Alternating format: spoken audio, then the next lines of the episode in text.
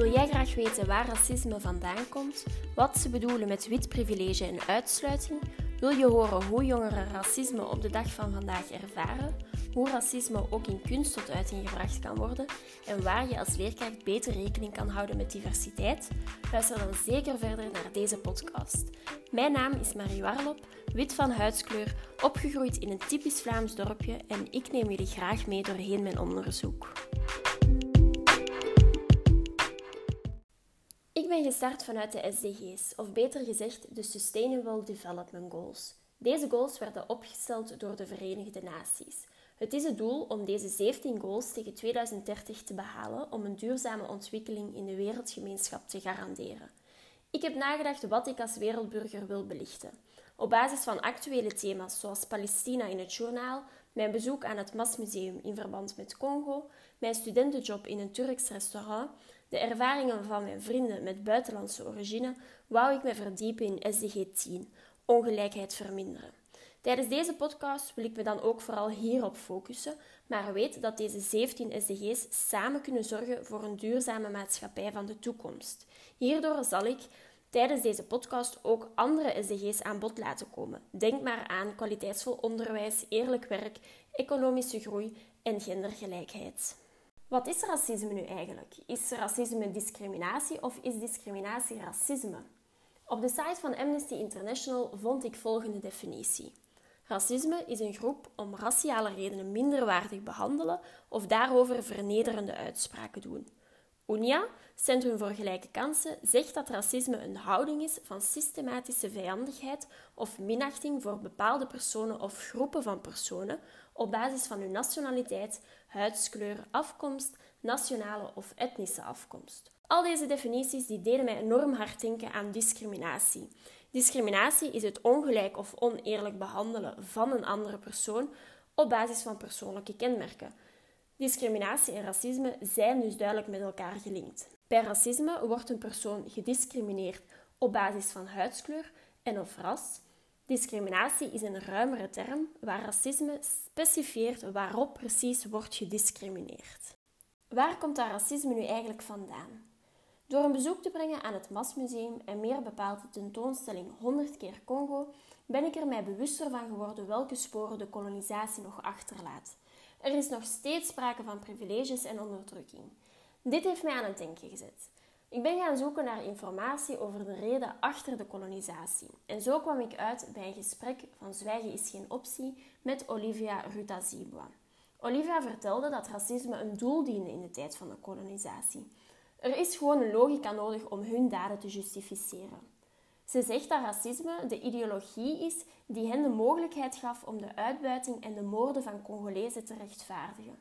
Als je het menselijke in iemand weigert te herkennen, is het makkelijker om hem onrecht aan te doen. Met deze informatie in het achterhoofd vraagt Olivia zich af welk doel hedendaag racisme dient.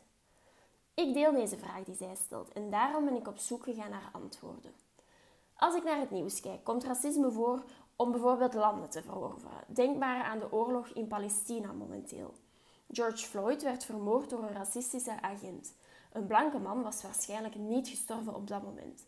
Maar dit gebeurt allemaal in het buitenland. Maar wat gebeurt er nu eigenlijk vandaag de dag in België? Dalila Hermans zegt in Zwijgen is geen optie dat een buitenlander wordt voorgeschoteld als de vijand voor de rest van het land. Zij zou de oorzaak zijn dat de pensioenen steeds kleiner worden, dat mensen langer moeten gaan werken omdat ze profiteren van het systeem. Racisme wordt dus eigenlijk als tool gebruikt om bepaalde tekortkomingen of wensen van mensen te verantwoorden en een schuldige aan te duiden. Dalila zegt ook dat mensen uit de boeren buiten bang zijn voor het onbekende. Zij groeien op in een witte samenleving, waardoor ze enkel buitenlanders in het nieuws zien in een negatievere zin. En dat kan ik beamen. Ik ben zelf opgegroeid in een dorpsschool waar al de leerlingen en de leerkrachten wit waren. Tot mijn middelbare school had ik eigenlijk nog niet veel buitenlanders gezien. Ik heb het geluk gehad om naar een middelbare school te gaan waar zeer veel diversiteit was, waardoor ik ook wel echt een betere wereldburger ben geworden, aangezien ik veel mensen ontmoet heb en ook veel heb bijgeleerd over andere culturen en daar ben ik echt enorm dankbaar voor. Zoals jullie in de intro gehoord hebben, zullen we het ook hebben over wit privilege. En dit samen met onderdrukking en uitsluiting van bevolkingsgroepen. Na het kijken van de TED-talk die Bartoon Thurston gaf, werd voor mij duidelijk wat er nu juist bedoeld werd met dat wit privilege. Hij definieert het als een systeem dat blanken een structureel voordeel geeft ten opzichte van anderen op sociaal, economisch en politieke vlakken. Thurston verkent het fenomeen dat blanke Amerikanen de politie bellen over zwarte Amerikanen die een misdaad begaan hebben door te eten, te lopen of simpelweg een zwart leven te leiden. Hij gaf aan dat hij schrik had voor de dood als zijn auto opzij werd gezet voor de politie. Iets waar een witte persoon zich geen zorgen om moet maken. En dat is waar. Ik heb nog nooit schrik gehad voor de dood of voor enige vorm van geweld tijdens een alcoholcontrole of een simpele aanraking met de politie. Het is duidelijk dat ik een privilege heb door mijn huidskleur. Privileges en nadelen zijn niet enkel verbonden aan huidskleur of afkomst, maar aan elk onderdeeltje wat maakt dat iemand afwijkt van de norm van de maatschappij. En ja, nu kan je zeggen, ja ja, dat gebeurt in het buitenland. Maar nee hoor, ook heel dichtbij bij ons gebeurt dit nog altijd. Zo kwam deze week in het nieuws dat er nog altijd discriminatie is rond leeftijd en afkomst op de arbeidsmarkt in Antwerpen.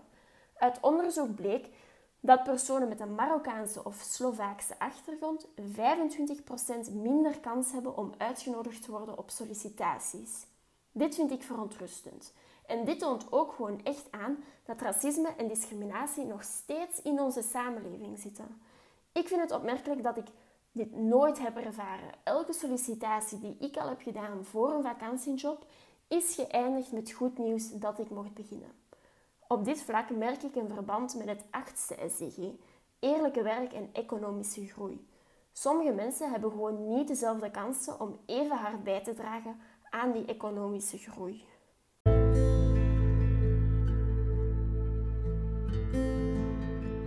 Ik ben zelf gaan nadenken over de voordelen die ik heb door mijn huidskleur. En na wat verdieping blijkt dat ik op veel vlakken privileges heb op basis van mijn huidskleur.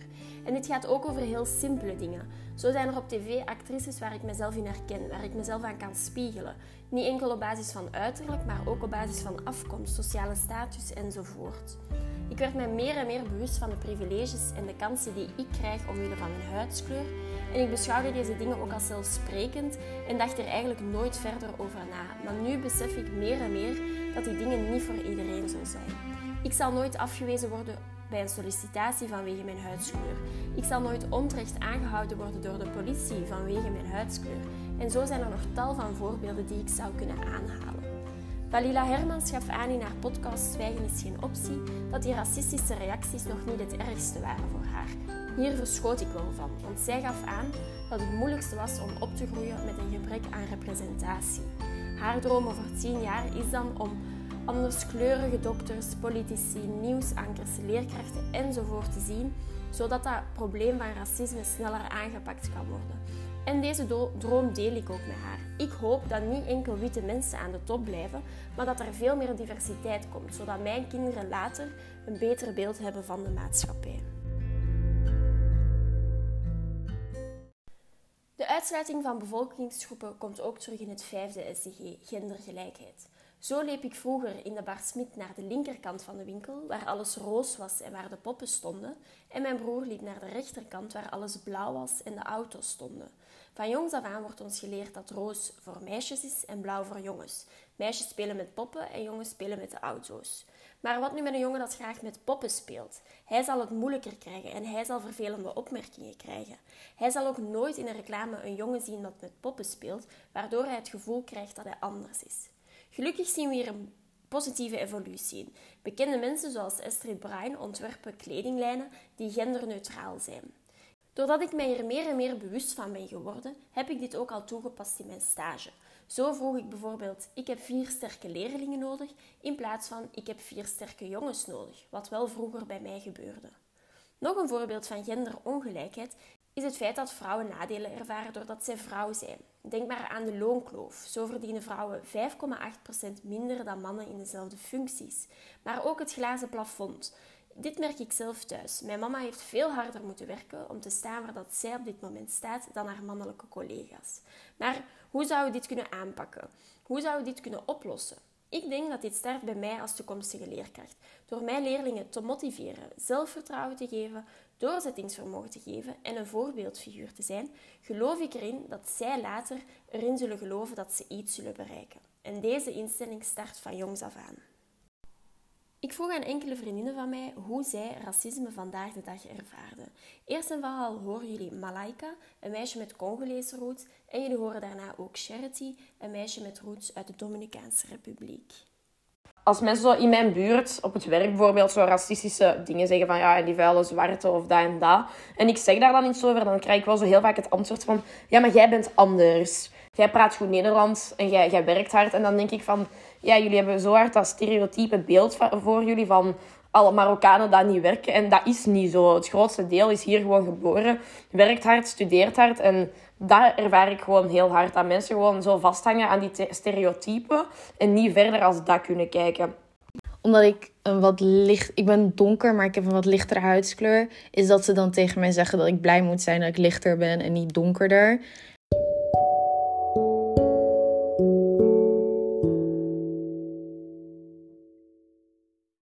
Ik vind het verschrikkelijk om te horen hoe racisme vandaag de dag nog voorkomt in het leven van mijn vriendinnen. En uiteraard, dit zijn twee korte voorbeelden. Onze gesprekken waren veel langer met tal van voorbeelden, maar jammer genoeg kan ik ze niet allemaal laten horen. Ik vroeg aan hun hoe ik een betere leerkracht kan zijn, wat voor leerkracht zij wouden voor hun kinderen. En dit is wat ze hierop zeiden.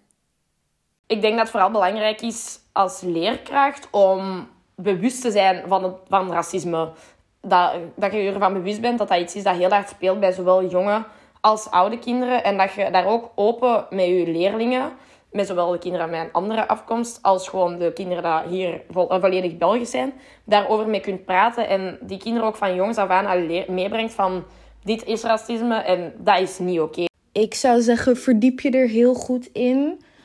Um, over de verschillende etniciteiten in jouw klasje. Ik zou ook boeken voorlezen die niet alleen maar een witte persoon in de in hoofdrol heeft, maar ook gewoon een donker kindje of een kindje die moslim is of een kindje dat in een rolstoel zit. Weet je wel, niet alleen maar boeken met een wit kindje.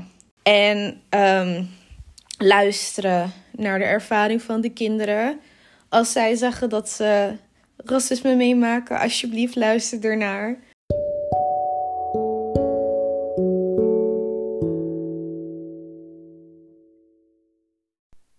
Is er nog één vraag. Hoe kan je ongelijkheid uiten in kunst? Lalolu Sembayo, een kunstenaar uit New York, bood antwoorden op de gebeurtenissen en de protesten in de Verenigde Staten. Sembayo woonde tot zijn 20 jaar in Nigeria en toen hij aankwam in de Verenigde Staten, zag hij hoe mensen met een donkere huidskleur racisme ervaarden. Hij maakte het werk Dreamscape om bepaalde zaken uit te lichten. Op het eerste zicht lijkt dit gewoon een tekening met verschillende lijnen en kleuren, maar nee, als je inzoomt op het kunstwerk, zie je verschillende verhalen. In het werk staan bijvoorbeeld twee koppels, twee mannen en twee vrouwen die elkaars hand vasthouden. En in Nigeria zijn homorelaties verboden. En hij toont eigenlijk zijn protest tegenover dit feit door het te integreren van homokoppels in zijn werk. Ook in België zijn er vandaag de dag nog altijd mensen die niet vinden kunnen dat twee personen van hetzelfde geslacht in een relatie kunnen zijn. Ook de kolonisatie komt aan bod. Er wordt een kaart van Afrika getoond met een heleboel vraagtekens, huilende mensen, um, ontginning van grondstoffen enzovoort. En dat zijn eigenlijk enkele voorbeelden van de zoveel voorbeelden in het werk. En dit zijn allemaal voorbeelden die ik enorm goed kan koppelen aan die SDG's die ik gebruik tijdens dit onderzoek. Elke keer als je naar dit kunstwerk kijkt, zie je iets anders en voel je ook die pijn die hij voelt. Dus ik nodig jullie echt allemaal uit om eens even de tijd te nemen om het werk Dreamscape op te zoeken en versteld te staan van wat hij allemaal wil meegeven aan de wereld. Doorheen dit onderzoek ben ik mij bewuster geworden van de problematiek omtrent ongelijkheid die nog steeds heerst in onze samenleving. Een gebrek aan cultureel kader kan leiden tot racisme. Leren over cultuur kan goed zijn voor probleemoplossend vermogen, sociale vaardigheden, waardering van cultuur, teamwork enzovoort. Bij het maken van dit werkstuk verkende ik diverse bronnen. Ik legde verbanden en ik zocht naar informatie en meningen van anderen om mijn eigen conclusies mee te maken. Dit leidde tot een onderbouwde kennis over het onderwerp ongelijkheid en meer bepaald in de richting van racisme. Hierdoor verruimde ik mijn blik in de wereld. Ik kon me beter inleven. Ik werd geraakt door de verhalen die ik hoorde. Ik kreeg verschillende meningen mee enzovoort. Vanuit deze kennis en mijn bijgestelde blik op de wereld kan ik overgaan tot handelen. Ik kan ervoor zorgen dat ik actief kan bijdragen aan de strijd tegen racisme. Kan anderen informeren en aanzetten om het proces zelf te doorlopen. De tips die mijn vriendinnen meegaven over hoe ik een betere leerkracht kan zijn, neem ik mee naar mijn klaspraktijk. Ik dien immers naar racisme en ongelijkheid aan te pakken op jonge leeftijd, zodat mijn leerlingen betere wereldburgers worden. Kennis vormt door een noodzakelijke basis, maar hier stopt het niet.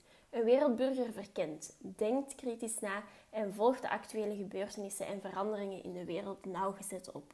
Vanuit deze kennis heeft een wereldburger een gefundeerde blik op de kennis die aanzet tot bepaalde acties. Het is een manier van kijken naar de wereld waaruit spontaan anders handelen en engagement ontstaat. Bedankt om te luisteren naar deze podcast. Ik hoop dat we met deze podcast een klein steentje hebben bijgedragen aan de realisatie van de SDG's en dus zo meer onze schouders kunnen zetten onder een duurzame samenleving voor onszelf, maar ook voor onze kinderen later. Thank you.